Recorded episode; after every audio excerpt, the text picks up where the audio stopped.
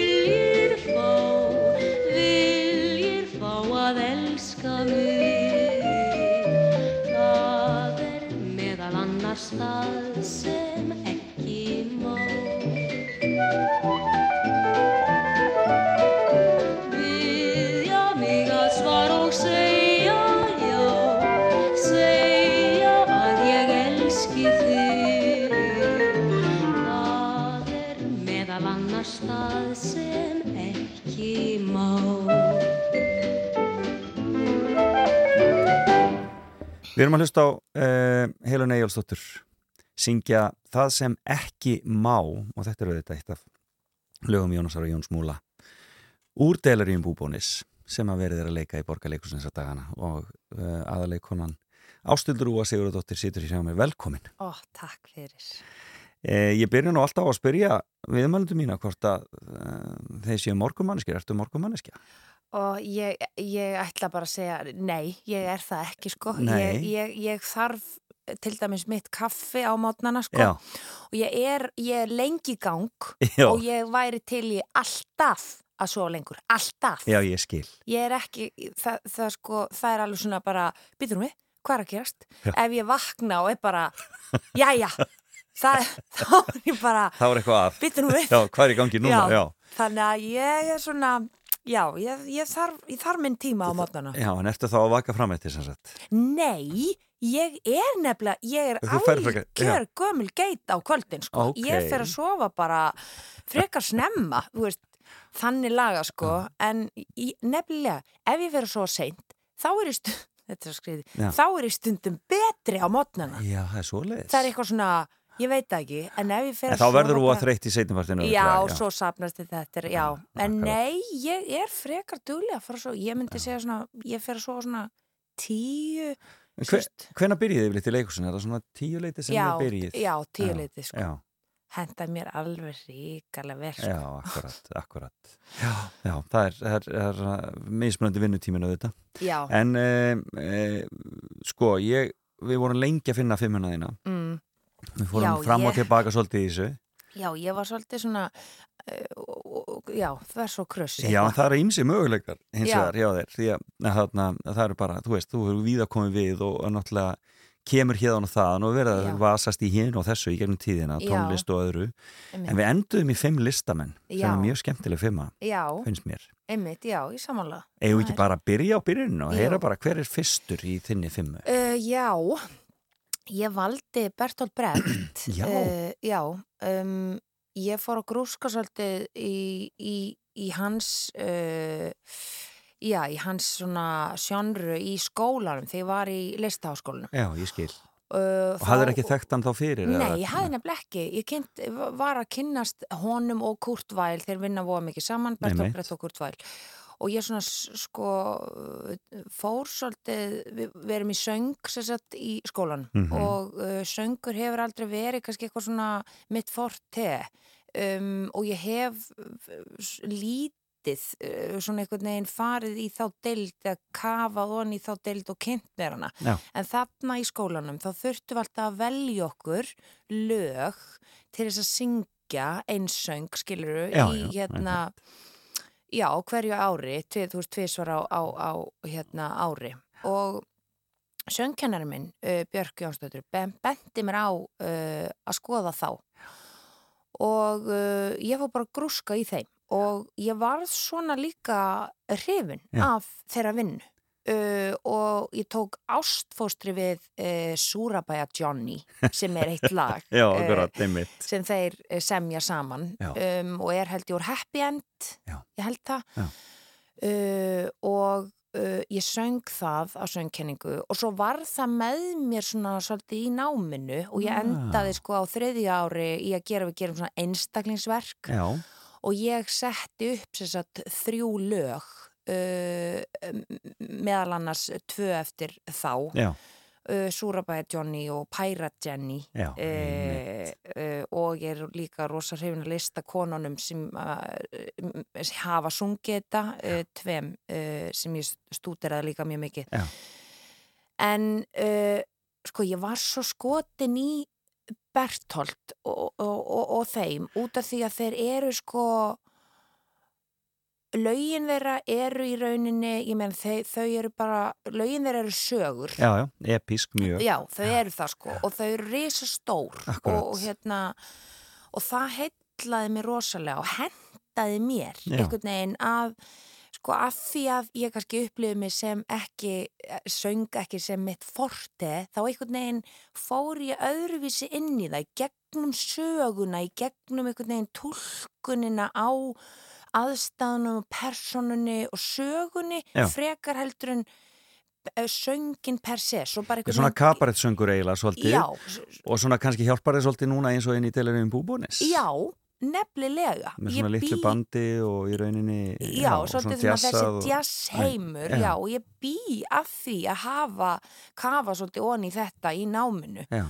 Og kynntur þér þá Bertolt Brecht og sögu hans? Já, ég gerði það sko Já. og hérna, og ég var svo, já, ég er svo hrifin að því hvað þeir sko, það heilla mig svo að þeir voru alltaf að gefa lítilmagnanum rödd einmitt og þeir einhvern veginn lifta undir fólkið sem heyrist ekki í, fólkið sem að yfirvaldinu er oft á tíðum einhvern veginn sama um eða vill ekki hugsa um, skilur, vill Einmitt. ekki gefa fókus og þeir einhvern veginn voru, þeir voru endalust að vasast í því að sko að, að lifta því upp og, og, og þeir ger, þeir se- setja einhvern veginn, setja á svið svo magnaðar sögur Já, og, og, og svo bara listafólki sem hefur gert, eh, tekið þessi lög og gert þetta í gegn tíðina. Mér finnst þetta, þetta var bara heimur sem að höfðaði mikið til mín. Nákvæmlega, já, nákvæmlega einmitt á, svona típist svona leiklistaskóla Já, upplifun, svona uppgötun já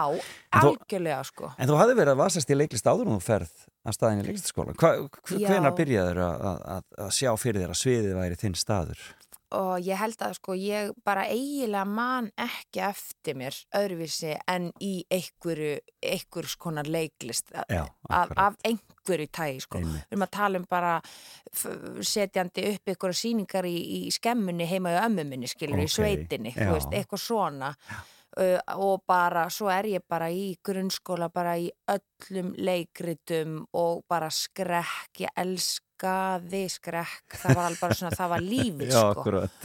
uh, og hérna og, Og bara, já og, og svo velji ég einhvern veginn mentaskóla út frá því hvaða hérna hvað leiklist mentaskóli var að bjóða upp á.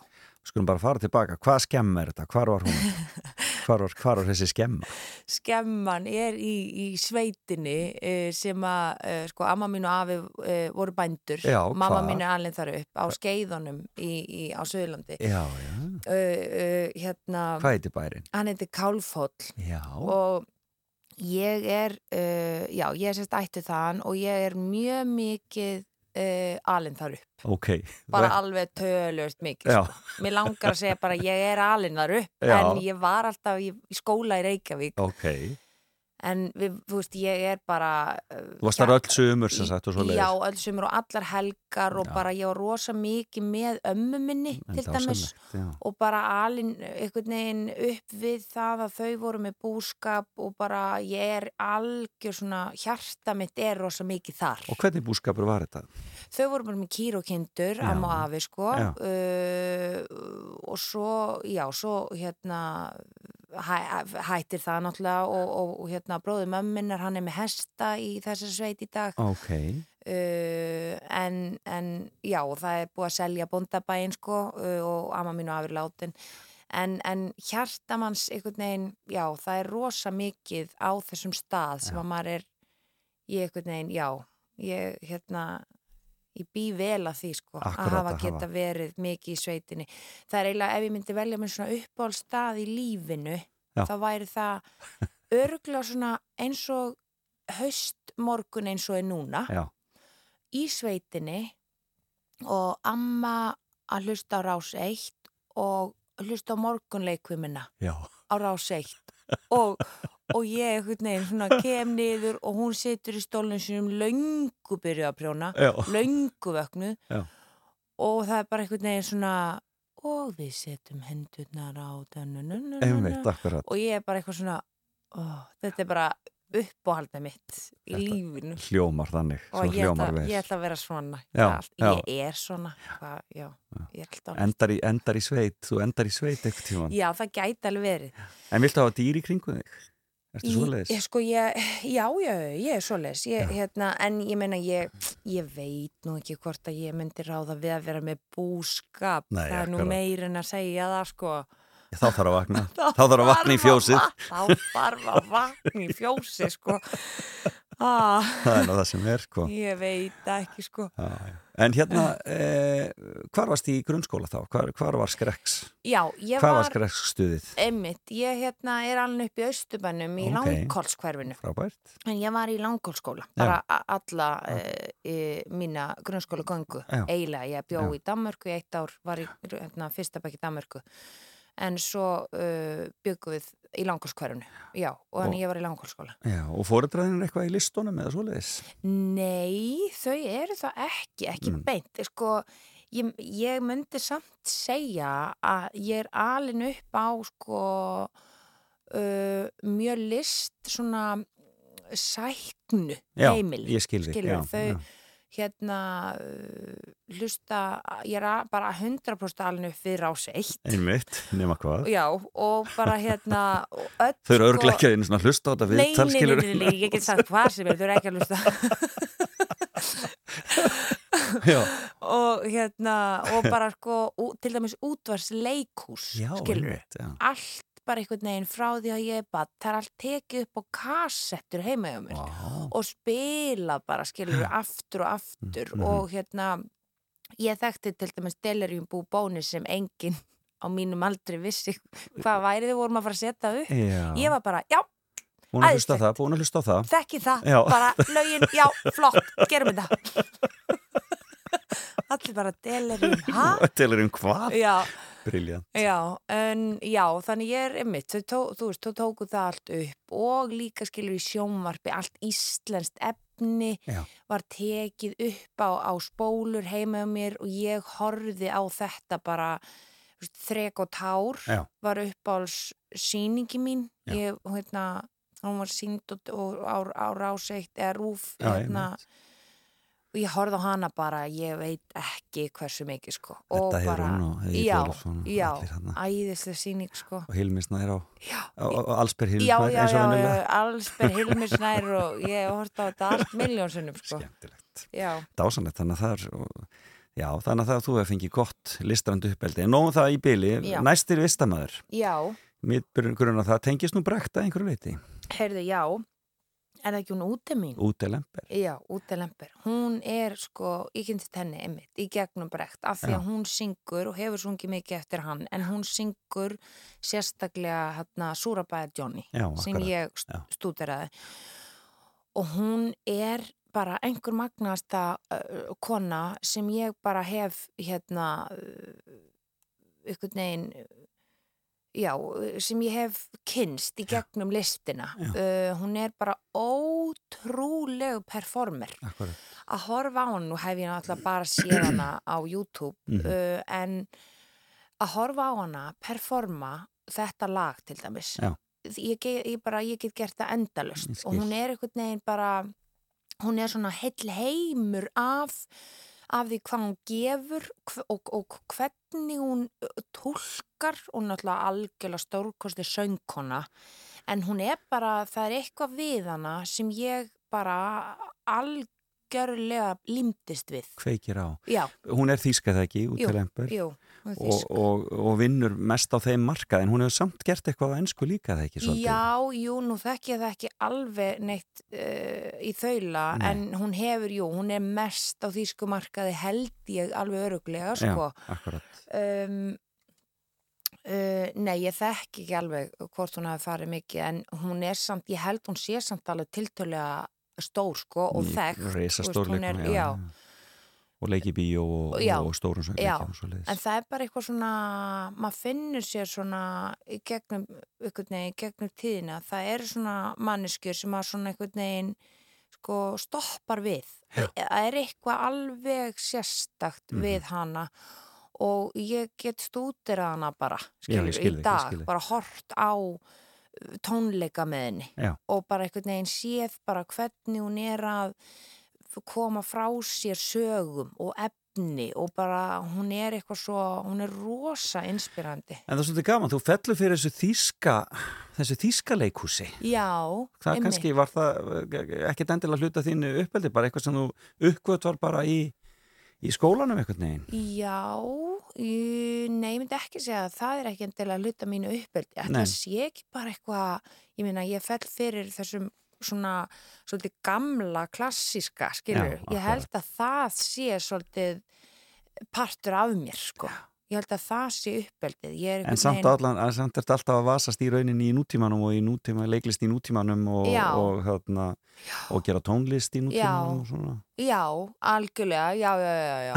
Þetta er svona, sko, þetta er svona tvær, þetta er svona kannski svolítið tvær hliðar á mér. Já, ég var einmitt, eh, ég var einmitt bara í dag, það er svona eitthvað, eitthvað leikur á Instagram, að getur postað eitthvað mynd sem að var bann eins og maður er í dag Já, ég skil. og ég sett inn tvær myndir einn þar sem ég var svona gella með krosslaða fætur Já. lí, sem líti bann og einn þar sem ég stend hliðin á hérna svona gamalli gínu í e, árbæjarsafninu sem er með svona skotthúf Já, og það er bara ég Akkurat. ég er bara báðar þessar Báðar þessar típur. típur fer bara eftir hvernig ég fer fram úr á mótnana sko. Nákvæmlega.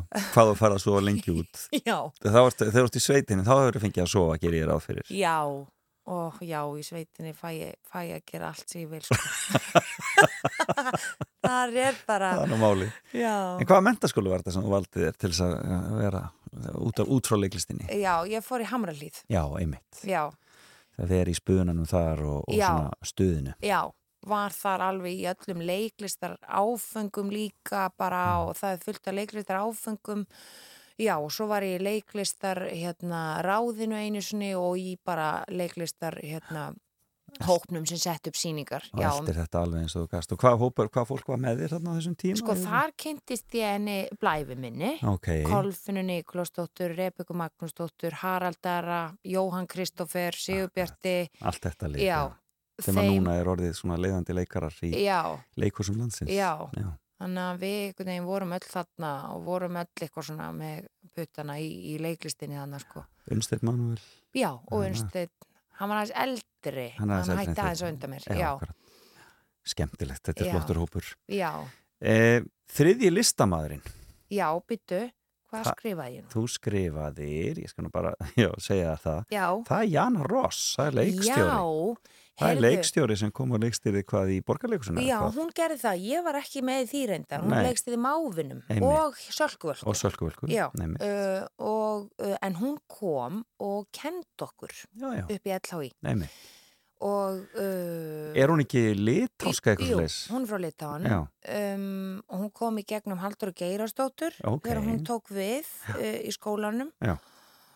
og það var alveg sprengt á mér hausinn sko, að fá Jönu og hún átti að leikstýra okkur í viku Já. uh, með senum úr Kirsubergarðinum Ok, uh, og svo bara fyrsta daginn sem hún hitti okkur bekkin Já. byrja hún bara eitthvað hans að spjalla við okkur og svo segir hún allt í hennu bara svona þegar hún var búin að spjalla hans við okkur hún eitthvað hérna hvað vitið þið um svona leiklist sem kemur frá eins og Pólandi eða Litáni eða hvað hva, hva hugmynd hafið þið um það?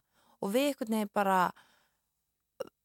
vorum ekki með neinn svör. Nei. vorum bara, við vissum ekki neitt. Nei, út af því að við höfum einhvern veginn ekki fengið neina kennslu í því. Þannig að hún bara tók þessa viku í að bara fræð okkur Já, um list frá Pólandi Já. og Litáin og bara öll, og Rúslandi náttúrulega.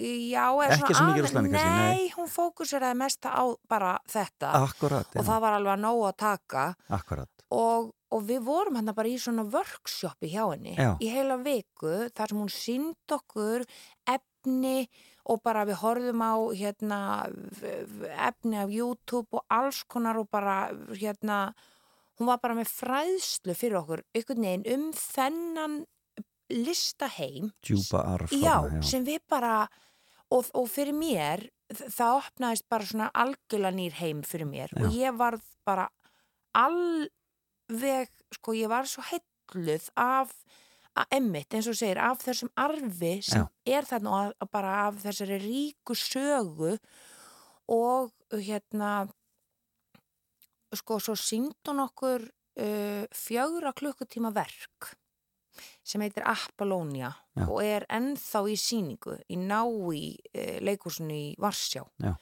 og það er svona draumurinn minn að fara og sjá þessa síningu sko. Og við horfðum á hana á YouTube fjögra klukkutíma síningu og ég bara ég, hérna ég hef aldrei orðið svona uppnumin bara af neinu Já. sem ég hef hort á Já.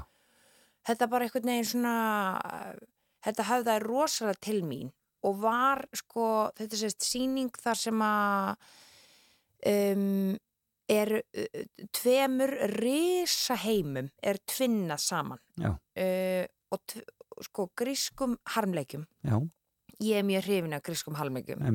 Það eru svona episkar sögur risa personur Svaka drama. Já svaka drama. Já, ég elska drama. Og hérna sogast mjög mikið af því. Já, en uh, það eru líka ofta risa hvern hlutverk já, sem einmitt. fá að sko einhvern veginn fá pláss samt skilur en, en minna en, en, en kattmennir og, og lúta oft í lægra haldi fyrir þeirra örlögum skilur þær eru hérna undir hælnum og þeim og allt það en þær eru einhvern veginn svo epist stórar. Já, ég skil. Um, og þarna í þessu pólska verki, Apollonia, þá uh, tvinnar höfundurinn saman þessum heimi, Já. grískum harmleikum og helförinni. Já, uh, og þetta eru náttúrulega rosalegir uh, heimar Já. að tvinna saman. Nákvæmlega. Um, og hann tekur texta úr uh, harmleikjónum og alls konar sem tengist helförinni, uh, ræður og bara staðrændir og bara allt og hann tvinnar svo saman og gerir úr þessu einhvern veginn og, og hann setur upp spurningar með bara opast erfiðar spurningar uh, í sambandi við uh, í bara, já, í sambandi við helfurina og, og allt sem tengist í bara svona, hvað segir maður, svona moral, uh, svona siðferðis spurningar uh, þannig þetta er ekki, þetta er ekki létt með þið, þessi sýning. En, en En draumur þinn að fara að sjá hana? Já, það, já og ég væri rosa til í það. Og hún, já, hún Jana sínd okkur þessa sýningu og, og bara og opnaði þarna einhvern veginn einhvern heim sem að heilla mig og ég væri til í að uh, Skoða betur. skoða betur sko. Hún er að vinna út um allan heimi það ekki, hún er að vinna mikið í Ameríku Jú. og svo leiðis Jú, í stórum leikursum algjörlega, hún er út um allt sko. svo kom hún sko svo ég eh, fara nú smá dítúr uh, við settum upp Macbeth uh, í borgleikursinu uh, frábær sýning. í hvað, í, í fyrra? Já, Nei, eða í- þessu ári ja, fyrra, fyrra, Já. fyrra.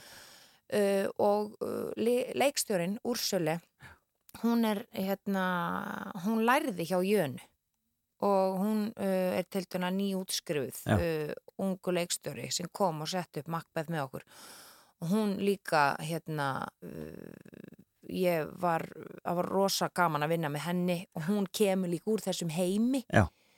Og hérna þannig ég heitlaðist líka af hennar vinnu og hvernig hún vann Macbeth með okkur sko. Maður fann alveg svona fyrir jönu og öllu því sem heitlaði mig þar í gegnum hana sko. Dásanlegt. Tökum okkur smá pásu. Þú varst múin að velja lag hérna með uh, henni Nínu Simón Já. að spila í milli. Emmitt, Nína Simón og hún er svo stórkostleg I want a little sugar já, in my bowl. já, hver vill það ekki sko Heyrum í Nínu Simón. Og svo höldum við ástildur úa Sigurðardóttir áfram spila. I want a little sugar in my bowl. I want a little sweetness down in my soul. I could stand some loving, oh, so bad. I feel so funny, I feel so sad. I want a little steam on my clothes. Maybe I can fix things up so they'll go. What's the matter, Daddy? Come on, save my soul. I need some sugar in my bowl. I ain't fooling. I want some sugar in my bowl.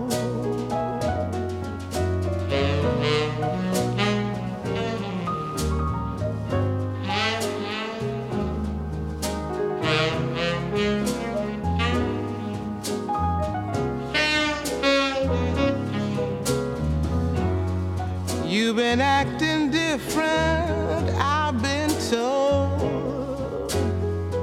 Soothe me, I want some sugar in my bowl.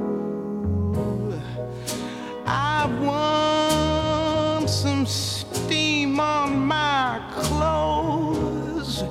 Maybe I can fix things up so they'll go.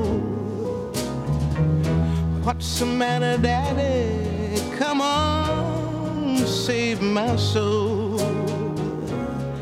I want some sugar in my bowl. I ain't fooling. I want some sugar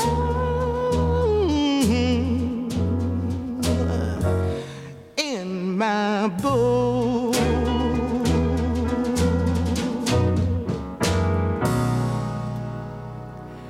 Þetta var Nina Simone I want a little sugar in my bowl. Og þetta er val viðmannalda mín sem situr hér hjá mér Ástildur Úa, Sigurðardóttir Leikona e, og e, já, þú ert svolítið í fortíðinni Ástildur Úa.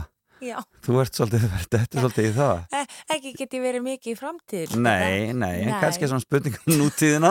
Við erum að vera í telurinn búbónum og útastleikrutum og, og pólsku, pólska leikusinu og Já, þarna En þú ert að segja mér af fimm listamönnum sem hafa haft áhrif á lífið þitt Já, og við erum búið með Bertolt Brecht, Ute Lemper og Jönu Ross. Þetta er allt Já. svona með Evrópa og, hérna, og, hérna, og það, sá leikusarfur en mér sýnist að við séum að færa okkur til Íslands með fjórða listamannin. já, við erum að því Já, hver er númer fjögur? uh, Edda Björgvins Já, uh, Sko, uh, ég Hvar er það? ennþá í fortíðinni, Felix já. Ég held að listin sé bara þar, sko nákvæmlega, já, já. En sko, ég hérna horfði uh, rosa mikið á helsubælið þegar ég var yngri, bara endalust Það er svo gott stöf sko þetta er svo gert, já.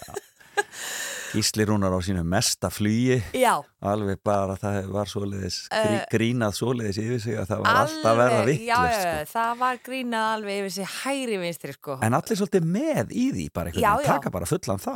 já, og, og farið sko alla leið Já. með allt. Ég elska allt sem er farið alla leið. Þetta er svolítið, sko, ég hef oft sagt að sko, heilsubælið er svolítið þarna Fawlty Towers okkar Íslendinga, það gerur Fawlty Towers sem hann Nei, reik hérna, hann hérna, já, ég skiptir ekki máli Ok. en, en það er svona, já, hér, hvað hétta, tindastóll? Já. Hérna, þegar það var sínt í sjónvapinu hér. En það, en það er svona, svona einmitt, það er svona komedía sem fer bara, svona situation komedía sem Já. fer alla leið. Alveg alla leið sko. Uh, og sko Edda Björgvins er einhvern veginn í mínum huga listamaður, kona sem fer alla leið. Já, og það er bara það sem að ég eh, sko uh, það sem hún hefur gert karakterinir sem hún er og hvað hún er sko, hún er svo óhrætt einmitt. Og ég heitlast rosalega að því og það er svo gaman að horfa á listamenn performa sem eru óhrættir Já, og hún einhvern veginn svona hún, hún, Leifir sér að taka sér pláss, Já. meinaru, já. Hún lefur sér að taka plás og hún fer, skilur, hún einhvern veginn hún, hún, hún, sko í öllum þessum gerfum og grínum hún, hún, hún tekur það alla leið e, þannig að hún hún er ekkert að byggast afsökunar á sér hvergi á leiðinni. Ég skilði, ég hún skilði bara, hún, hún keirir þetta áfram og bara fer með grínið alla leiðina í höfn, einhvern veginn. Og vinnur og einhvern veginn er bara Já. fyrir vikið bara vinsalasti, eitt vinsalasti listamann þjóður Já, en það stórkostlega sko uh, og bara að hérna, fylgjast með henni bara frá ég var bad í öllu þessu það situr í mér sko. Já, og, þó, það, og hérna hefur bara stór og mikil áhrif á mann líka sem stelpu, Já, sem konu mm að sjá hana bregða sér í öll þessi gerfi og bara ekki hika við það, skilur þóra setja sér tennur og vera já, skrítin og bara einhvern veginn, já og hérna já, mér finnst hún bara hún hefur haft mikil áhrif á mann sko. Sko, hefur hefur kynst þetta síðan eða svoleiðis? ég hef ekki kynst henni, nei aldrei Eh, unni með henni eða svoleiðis? nei, ég hef ekki gert það sko Nei, það kemur að því já, kemur að því. vonandi Því að það er náttúrulega, komi, komikinn er náttúrulega svolítið þinn, er, er hluta þínu styrk þú sýnir það mjög vel í stundin okkar til dæmis í, Já. þarna, sem, sem bjalla það sem bjalla, emmitt, já ég hérna það er einmitt svona kannski næsta sem ég komist í að fá svolítið svona frí, frítt spil Já. í að hérna uh, finna mi, minn svona einmitt komik, hvað sem er minn komik karakter Já, akkurat, en þú varst að vísu Ég man eftir þér í, hérna, í konubörnum hjá Já. gablarleikusinu. Það var náttúrulega, það gekk líka daldið út á að finna. Finna svona, já, svona komískari hliðarnar á því, þeim, þeim miklu um, umfjöldunarnum sem þar voru í gangi. Já, það, það er Hvernig dast inn í þann hóp? Sko við vorum sko Sigurlaug Sara, Já. hún, uh, þetta var hennar svona start hugmynd. Já. Hún hafði samband við okkur allar uh, og vildi í rauninni bara svona hóa okkur saman í hóp af hérna ungum konum sem að hún einhvern veginn bara uh, hafði mikla mætur á Já. og vildi að bara við gerðum eitthvað saman. Já, Þannig að þetta er allt henni að, að þakka við einhvern veginn svona sko byrjuðum. já, Uh, og svo bara, já, svo vorum við allar að sækjum í LHI og við komumst ekki inn. Nei. Þannig að við ákvaðum bara að gera eitthvað saman og við bara gerðum konuböð. og það er bara með Björk Jakobsdóttur og verður, verður gríðalegu success. Já, þau tóku svo vel á mót okkur í gablarleikusinu, Björk og, og, og, og þau öll og, hérna, og hjálpa okkur með þetta sko. Já. Það var, var rosa skemmtilegt. Og síðan, út úr þessu hafa síðan komið hver leikonna fætur annari. Já, svo komumst við bara allar inn Já, í, í skólan. í sko. kjölfarið. Já, Briljant. Og en, en, en þarna, en, en sko, Edda sem fyrirmynd já. er bara, hef, hefur verið mörgum íslenskum listakonum mikil fyrirmynd. Já, ég bara, það er ekki skríti sko. Það er eitthvað alveg hérna, einstakt við ettu Já. og hvernig hún uh, og, og hva, hvernig hún vinnur, skilur hvað hún er einhvern veginn já, fyrir mér er það bara þetta frelsi, Já. skilur hvað hún einhvern veginn bara, hún bara gerir eitthvað Já. Og, og hérna það er svo inspirandi hvað hún, já Þegar þú kemst inn í skólan á lókum, var, var það, hvernig tilfinning var það? Uh, uh, já, það var bara rosa stór tilfinning. Já. Uh, Varstu hrætt við þetta? nei, ég var það ekki. Ég var Nei. rosa, Og tak- saka til bara? já, já, mjög tilbúin. Uh, ég hafði þetta að fara nokkur svona í í endökupröfur. Uh, og uh, þurfti að vinna mér svolítið af því að komast inn í skólan. Uh, þannig ég var á háréttum stað. En þú veist ekki að gefast, þú veist ekki að mörgum þess að gefast upp eða svoleiðis? Jú, jú, oft. Já. Margoft. Já. Eh, þetta, er, þetta er alveg nokkur ár sko, þetta er, já, sem fara í það Já. að maður er alltaf að stefna að þessu uh, og uh, maður bakkar oft út úr því, skilur það er alveg, það er alveg þannig Einmitt. þetta er líka skrítistarf það er alls konar óvisa, þú veist ekki neitt í rauninni veistu bara að þetta er eitthvað sem þið langar til að explora, þetta er eitthvað sem þú langar að gera, Já. en þú veist ekki neitt meir, þú veist ekki, það er ekkit öryggi skilur þannig að það er það er ekkit, það er, það er auðvelt að, að hérna, verða efins sko, Nákvæmlega. uh, en það var eitthvað mjög sterkt taug sem að ég uh, held alltaf ísamt Briljant. Síðasti listamæðurinn sem þú vilt nefna er önnur kona. já, Það er Ólafur Hrönn, eða hvað? Ólafur Hrönn Jónsdóttir. Já, sko, ég verð bara eiginlega að tala um hana út af því að uh, ég horfði svo mikið á einn þátt á stundin okkar uh, þegar ég var yngri sem var tekin upp á spólu heima hjá mér Mm -hmm. þar sem hún leikur grílu Ólafja og þetta er uh, uh, þetta er einhvern veginn karakter þessi grílu karakter mhm. er, ég tók svona smá ástfóstri við hana og hérna horfði alveg opaslega mikið á hana leika þennan karakter. Já, og ég til dæmis uh, hún gerir þetta svo vel hún er svo hún er svo góðu komikar uh, ég gæti hort á hana endalust en þarna þessi gríla, ég tók hana til dæmis í fyrstu inntökuprjónum mínum í LHI það var bara svoleiðis. Já, og ég má, koma með svona atriði í inntökuprjónum, Já. svona eitthvað persónlegt sem að maður vill gera sjálfur. Og í fyrstu inntökuprjónum mínum, þá tók ég bara þessa grílu og ég horfði og ég gerði bara sjálf textan, skilur skrifa hann bara niður, allt sem hún segir Já. Og ég lék hana bara í inntökuprjónum fyrir domnefndina og ég man sko að þau sögðu sko dómnefndina því stundum horfðu á þetta og stundum ekki. Þetta persónlega val. Já. og það stóð á blaðinu þeirra hérna leikinn eitthvað gríla. Og, og þau, ég manna og þau svona horfðu okkur þannig og bara nei þetta verðum að sjá Já, ég, þú, þú mátt taka þetta. Þe- við verðum að fá að sjá já, þetta verðum að fá að sjá akkurat. að fá Og var þetta þegar þú komst inn eða hvað? Nei, Nei. þetta voru fyrstu undugbrunum mínu Já. Þannig að kannski var þetta ekki að falla í kramið en Já. ég held þetta hafi, þau skemmtu sér mjög vel, ég held þetta hafi fallið í kramið sko, ég vil meina það Já, uh, já, En uh, já, það, ég nefndi Ólafur eiginlega bara sérstaklega út af þessu uh, að því þessi karakter og, og hérna nú veit enginn um hvað ég er að tala en hún er bara, það er þetta er kannski bara sama með eddu, mér finnst það er bara það er, uh, það er eitthvað algjörlega svona það eru svo ótrúlega góðar í komik akkurat. tæmingum og hvernig þær eru eh, fríar af sér og hvernig þær eh, hérna delivera hlutunum Já. uh, og já, bara því ég hef hort ég hef hort svo mikið á hana bara í gegnum tíðina Stórkostli leikona. já, hún algjörlega og, góð mannskja. já, Tíminn hlaupin frá okkur, ástildur úa. Mikið rosalega gaman að fá því hérna til mín í fram og tilbaka. Ó, takk fyrir Svona að fá mig, bara sömu leiðis Í lokin, sko, hvernig verður árið hjá þér? Er þetta að leika svartþröst áfram?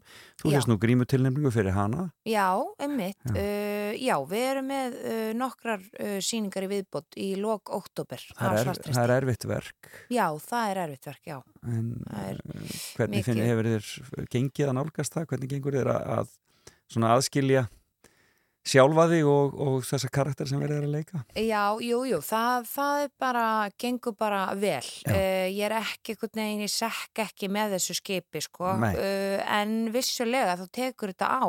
Þetta er alveg svona uh, svolítið myrkur sem að maður finnur áður en maður kannski bara sama dag. Þú veist, ég vakna og ég finna ég er að fara inn í þetta. Skilur, þetta er alveg þannig. Þetta er svona, maður er að fara, líka minn veit að ég er að fara að lappa inn í þetta um kvöldið, Já. skilur þannig þetta er svona fylgimanni yfir daginn en, en hérna svo bara lappa ég út úr þessu þegar sýningin er búin ég, hérna, en, en jú, jú, þetta tekur alveg tekur Það er síning sem er að- sannarlega þess virðið að mæla með að fólk er ekki búið að sjá frábært, frábært verk og, en þó erfitt sé fjalla náttúrulega um kynferðisoflikið börnum. já, E, stundin okkar, deilurinn búbónis, hvað Já. svo? Já uh, heyrðu, svo er ég að fara að byrja að æfa hérna, kvöldstund með heiðari snirti Já. eftir tyrfing ég Það er nú verk sem margir er spendi fyrir. Já. held ég. og ég líka það verður ó, það verður svo skemmtilegt sko það verður svo skemmtilegt Ástildur Úa Sigurðardóttir, kæra þakki fyrir kominu og endum þetta með David Pá í læginu sem að þú kemur þér í stuð með. Já, ég bara, þetta er, þetta er svona powerlag. Þetta er orkubomban. mér vantar Já. power, mér Þá- vantar svona, þú veist, bara eitthvað, þá hlusta ég á þetta. Það var það Kat Bíbúr. Já, Takk fyrir kominu. og takk fyrir mig. Say these eyes so green. I can stare for a thousand years, colder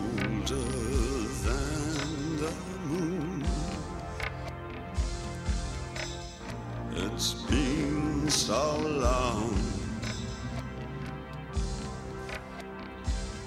and I've been putting out fire with gasoline.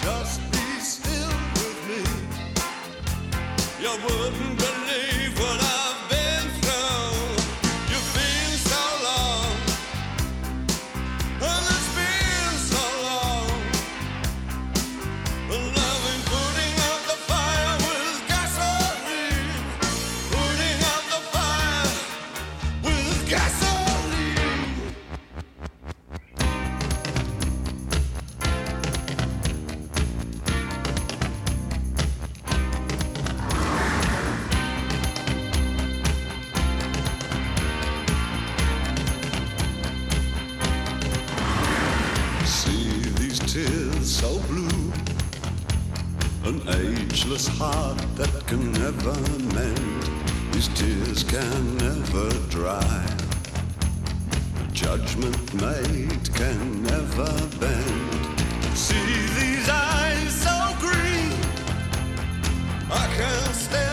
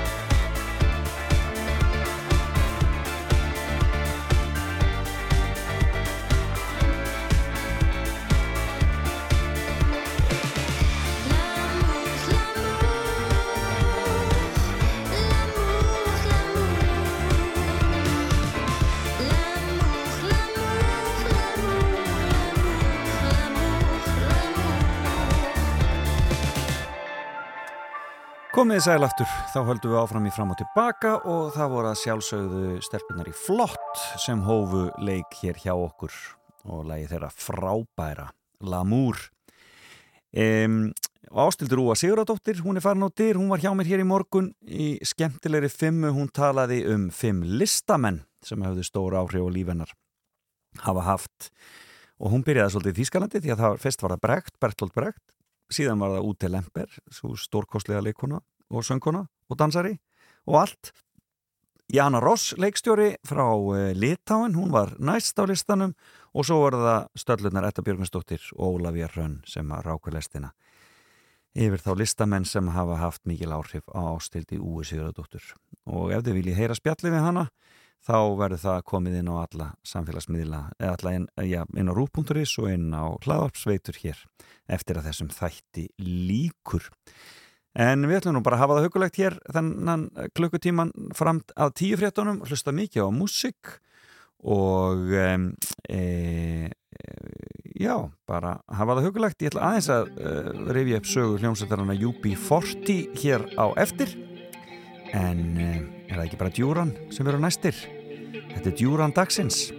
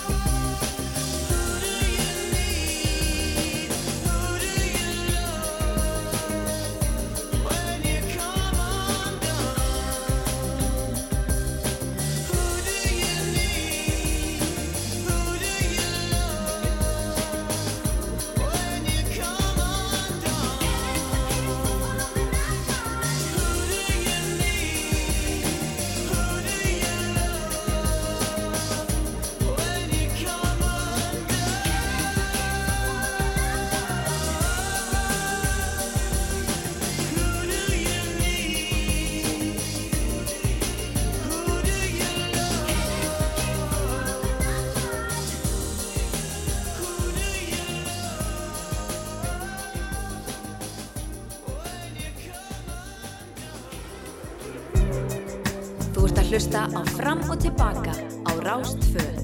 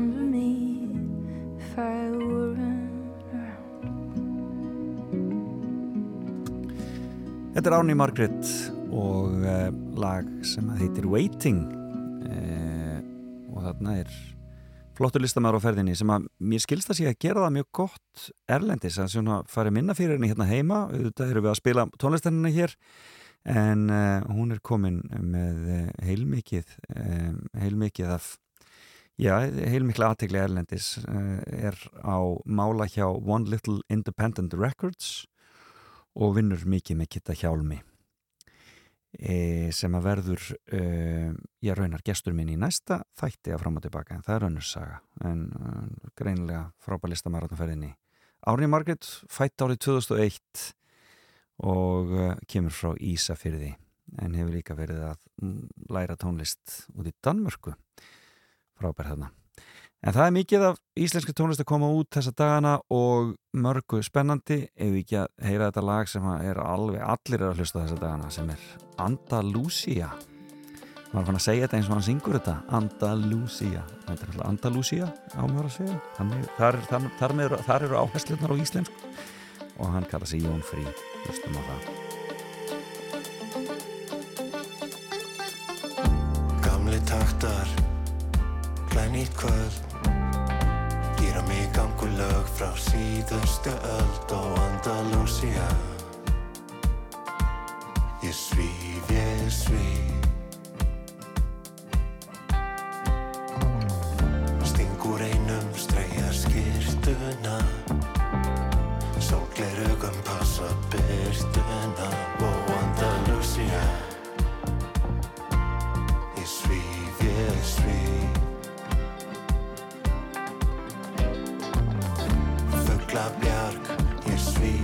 svíf Nettu kraftur með nýju líf og Andalusia. Andalusia. Ég dansa hvergi betur en á Malaga Sápakúlu, diskótek og sangria. Wow, ég dansa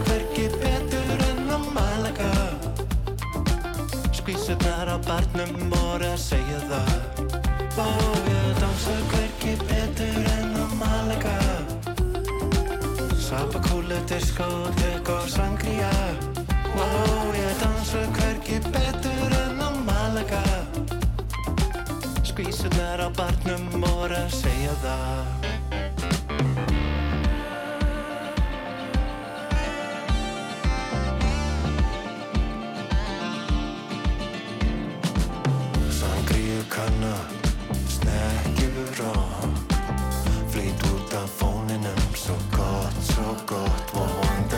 Andalusia Ég svíf, ég svíf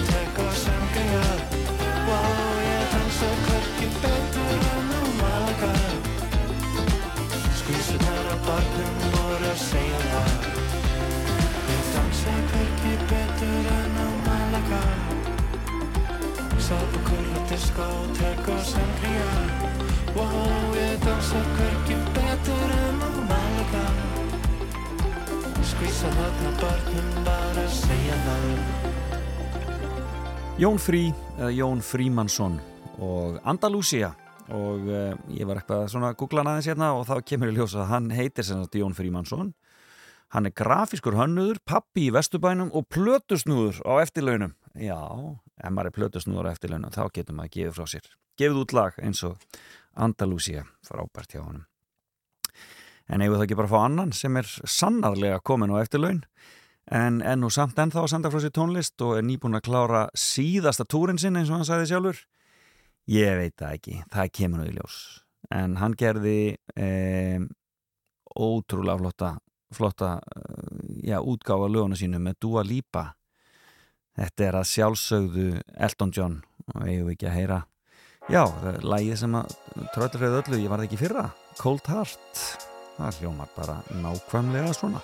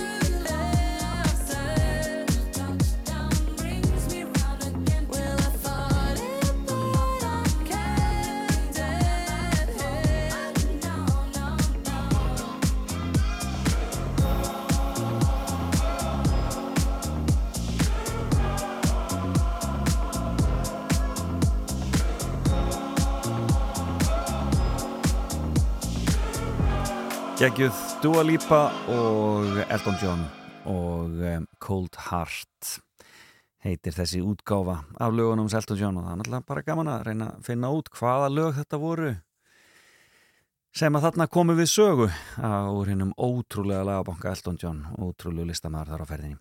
En uh, hér á Rástvö, eftir að þessum þætti líkur, tekur Salka Sól við, eins og alltaf á lögutöfum, uh, við erum morgunfólkið hér á lögutöfum e, og e, hún verður auðvitað fram yfir háteis, eða fram að háteisfréttum og e, e, hleypir þá félagsheimilinu að sem að Siggi Gunnars og Fríðrik Ómar stjórna og e, e, í kjölfærað og því kemur hljóðvegur eitt og svo auðvitað árið er og eins og kom fram í morgun þá er árið þetta, þennan lögardaginn 1996 ég veit ekki alveg hvað stuðmenn voru að gera árið 1996 því að, að já, ég er svona að skoða það hvaða lög þeir voru að koma þeir komið Búkalú um, já, þeir þeir eru að gefa út músik á fullu þannig e, í kringum 96-97 en 93 kom lag sem að mér finnst alltaf mjög skemmtilegt að því að það segir svo mikið um íslenska þjóðasál ég var að heyra það?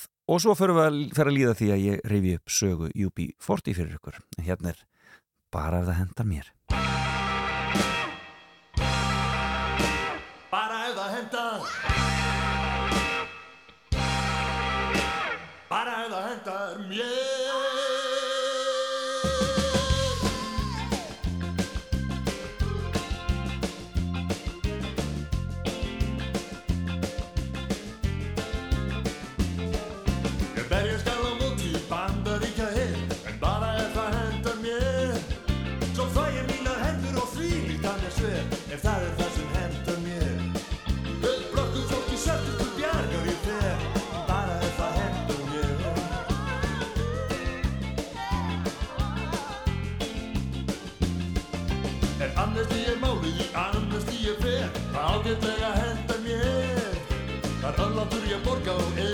eðstar ég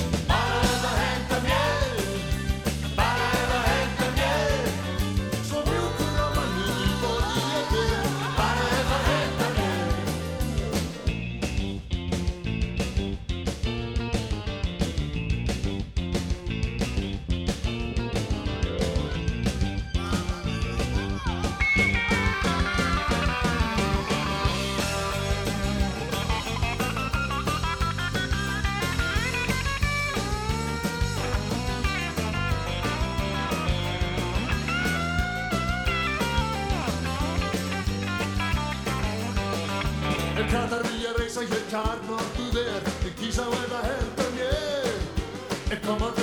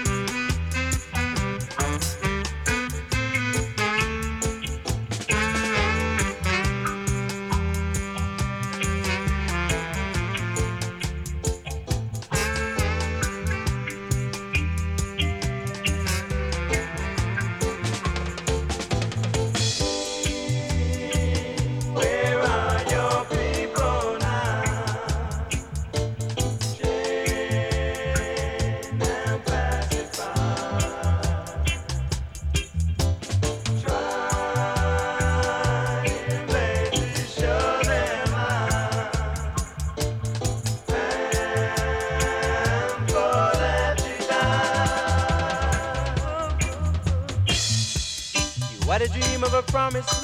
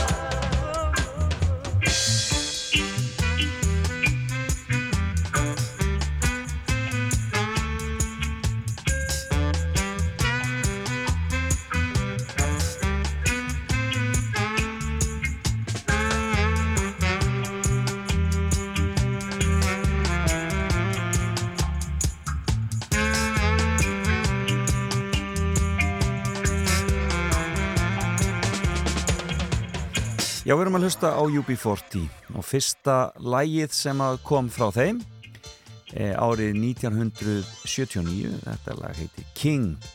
Og þarna strax komnir með mjög ákveðin hljóm sem að e, já, þeir áttu eftir að halda fast í e, í öll þessi ár sem þeir hafa starfað.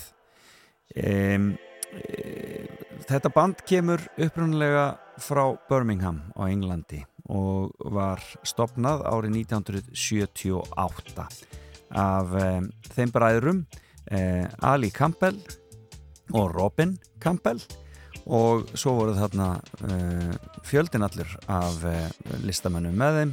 Jimmy Brown, Robin, nei, Earl Falconer, Norman Hassan Matt Doyle og Astro, svo einhverju séu nefndir. Og jú, ég held að Yomi Babayemi hafi líka verið þarna í upprunlegu uh, upprunlegu hljónstinni og um, þeir voru semst átta í þessari hljómsveit. Og um, þeir byrja að uh, spila þarna í, í Birmingham og uh, í nágræni og vekja fljótlega mjög mikla aðtigli og fara bara fljótlega að gera það bara ansið hreint gott.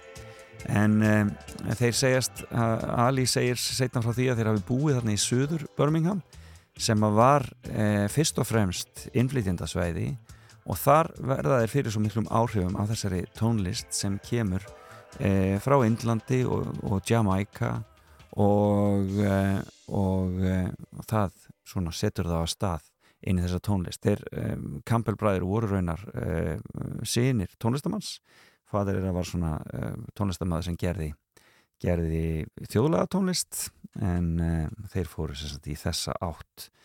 Bræðurnir mjög áhugavert. En um, ég kynntist UB40 þegar ég er bara unglingur og um, þá röldi ég mér niður í Karnabæ ég hef verið svona 13 ára og átti einhvern pening og langaði að kaupa mér plötu í fyrsta sinn.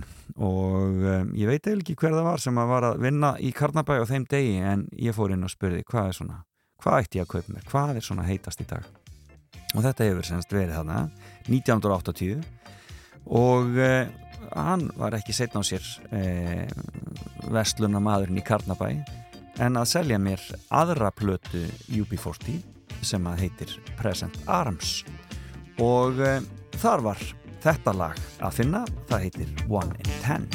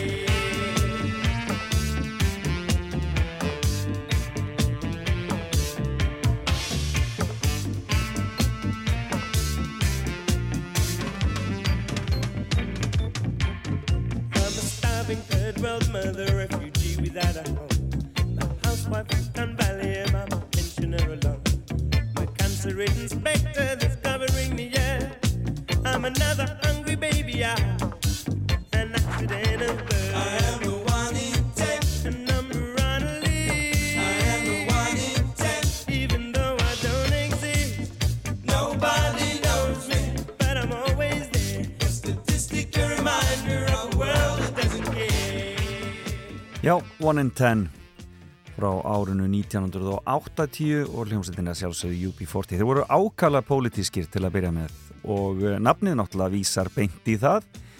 UB40 er e, eigðublaðið sem menn skrifuðu undir þegar þeir fóru á atvinnuleysisbætur og e, þeir náttúrulega voru mikið að syngja um í rauninni atvinnuleysi og erfiðleika fólks e, í Breitlandi á þessum tíma. Þetta er náttúrulega e, þarna er Thatcher að komast til valda, það er alltaf einhvern veginn í dálítilli upplausn í Breitlandi og UB40 voru alveg hluti af þeirri pólitík sem var í gangi þá. Hljómsveitin hjælt alveg sinni uh, uppsetningu í mörg, mörg, mörg ár, 30 ár eða svo. Uh, og uh, urðu smá saman vinsætli og vinsætli fóru að spila fóru að spila já, mikið á, á Breitlandsegjum og uh, voru bara gríðarlega, gríðarlega vinsælir.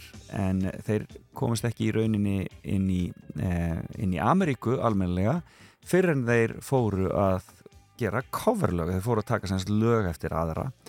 Og kannski það sem að svona, já, svona dundraði þeim í gang var þetta lag eftir Neil Diamond.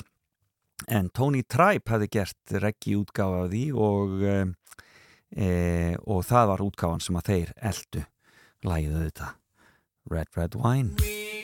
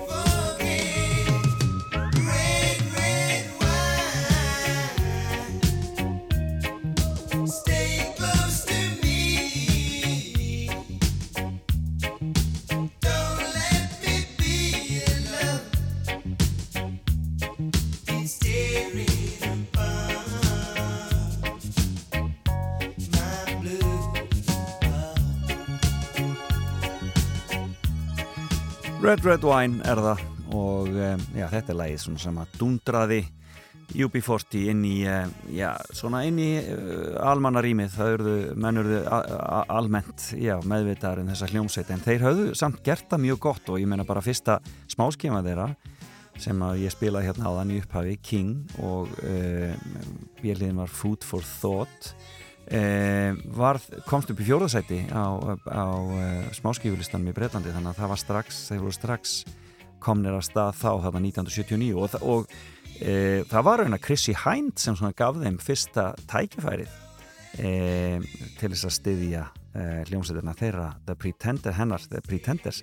Sem hún sá þá ykkur starf á, á, á pub og fannst þeir frábærir það er skemmtilegt, en þeir áttu síðar eftir að vinna með henni við koma því hér og eftir. En þessi, þetta lag, Red Red Wine, var af plötu sem að heitir Labor of Love og var gefin út árið 1983 og þetta var svo mikill eh, success að eh, þeir áttu eftir síðar að gera eh, aðra eh, Labor of Love plötu, Labor of Love 2 þannig að þetta var svona eitthvað sem að virkaði svona algjörlega fyrir þá. Og um, bara, þetta gekk bara gríðarlega vel hjá UB40 og gekk mjög vel alveg til ársins 2008. Við skulum heyra annað lag eh, svona frá eh, þessum tíma og eh, er það ekki bara Many Rivers to Cross.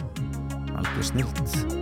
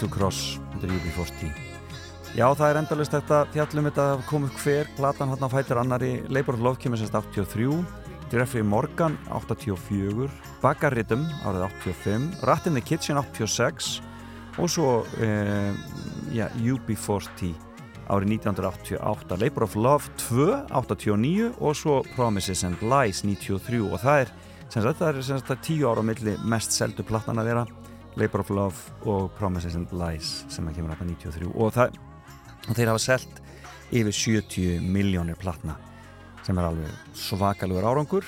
En það fóð nú samt allt í skrúfuna til miður og þeir enduð á því að vera já, allir lístir gjaldrota þarna á einhverjum tímapunkti. Ég veit nú ekki hvernig þau mál fóru en þetta er búið að vera mjög flókið.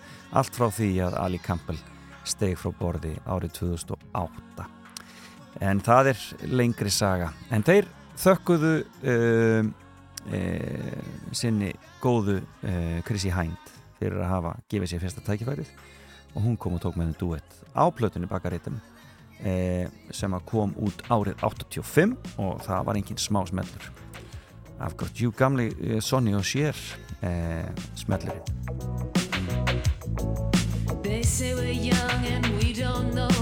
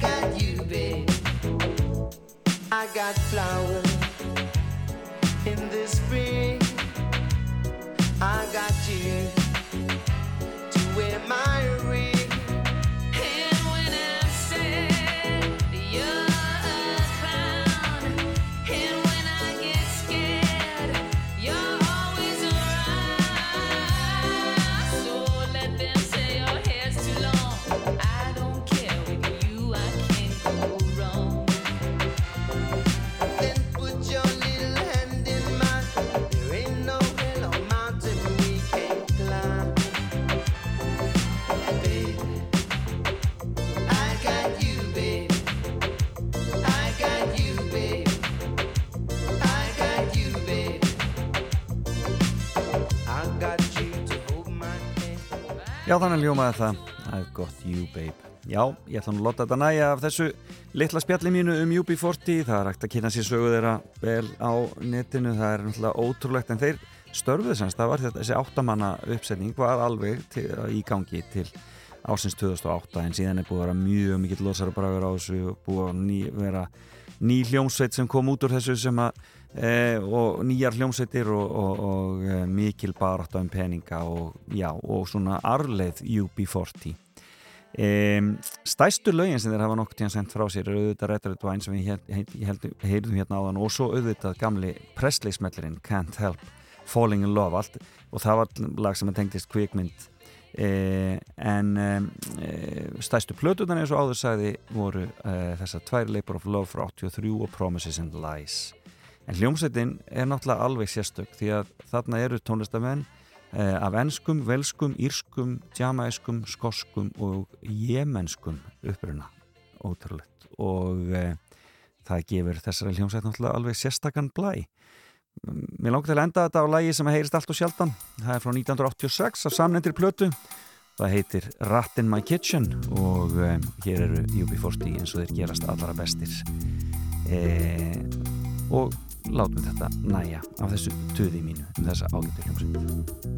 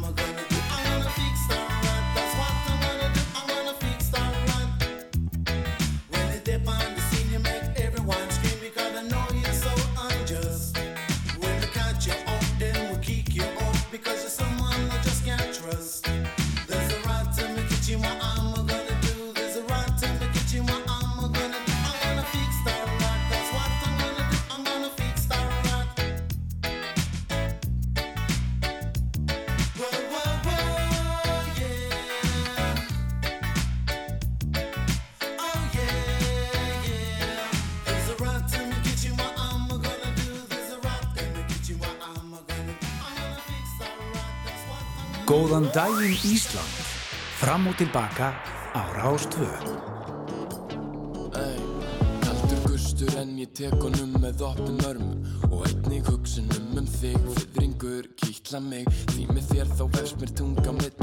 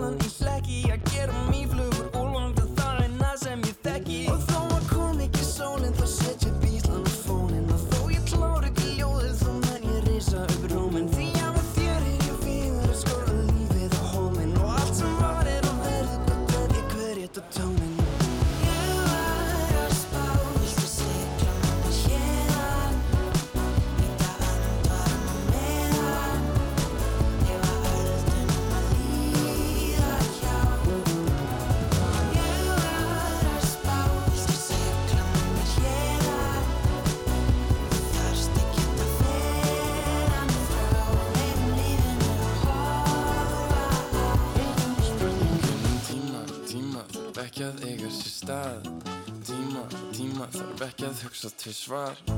Tíma, tíma þarf ekki að eiga sér stað. Tíma, tíma þarf ekki að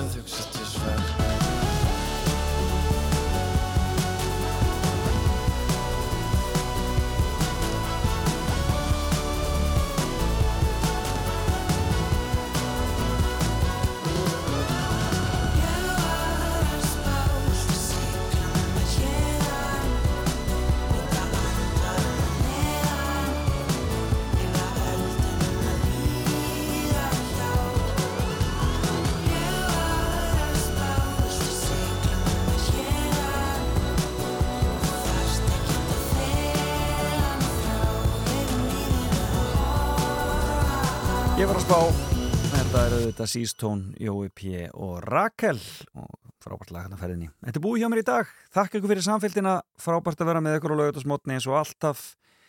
Ég verð með ykkur aftur eftir viku og þá verður gestur minn í fimmunni, Kitty Hjálmur. En það var Ástildur Úa sem var gestur minn í dag. Það var frábært að fá hana hér í heimsókn og uh, þið getur hlusta á þáttinn inn á rú.is. Eftir að þessu líkur hjá mér. Endum þetta á unu torfa. Takk fyrir í dag og heyrumst aftur eftir viku. Bless, bless. Ef ég dætt, viltu lyfta mér upp?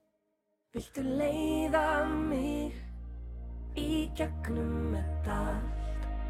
Ég vil hlaupa hratt og vil ekki gera það einn.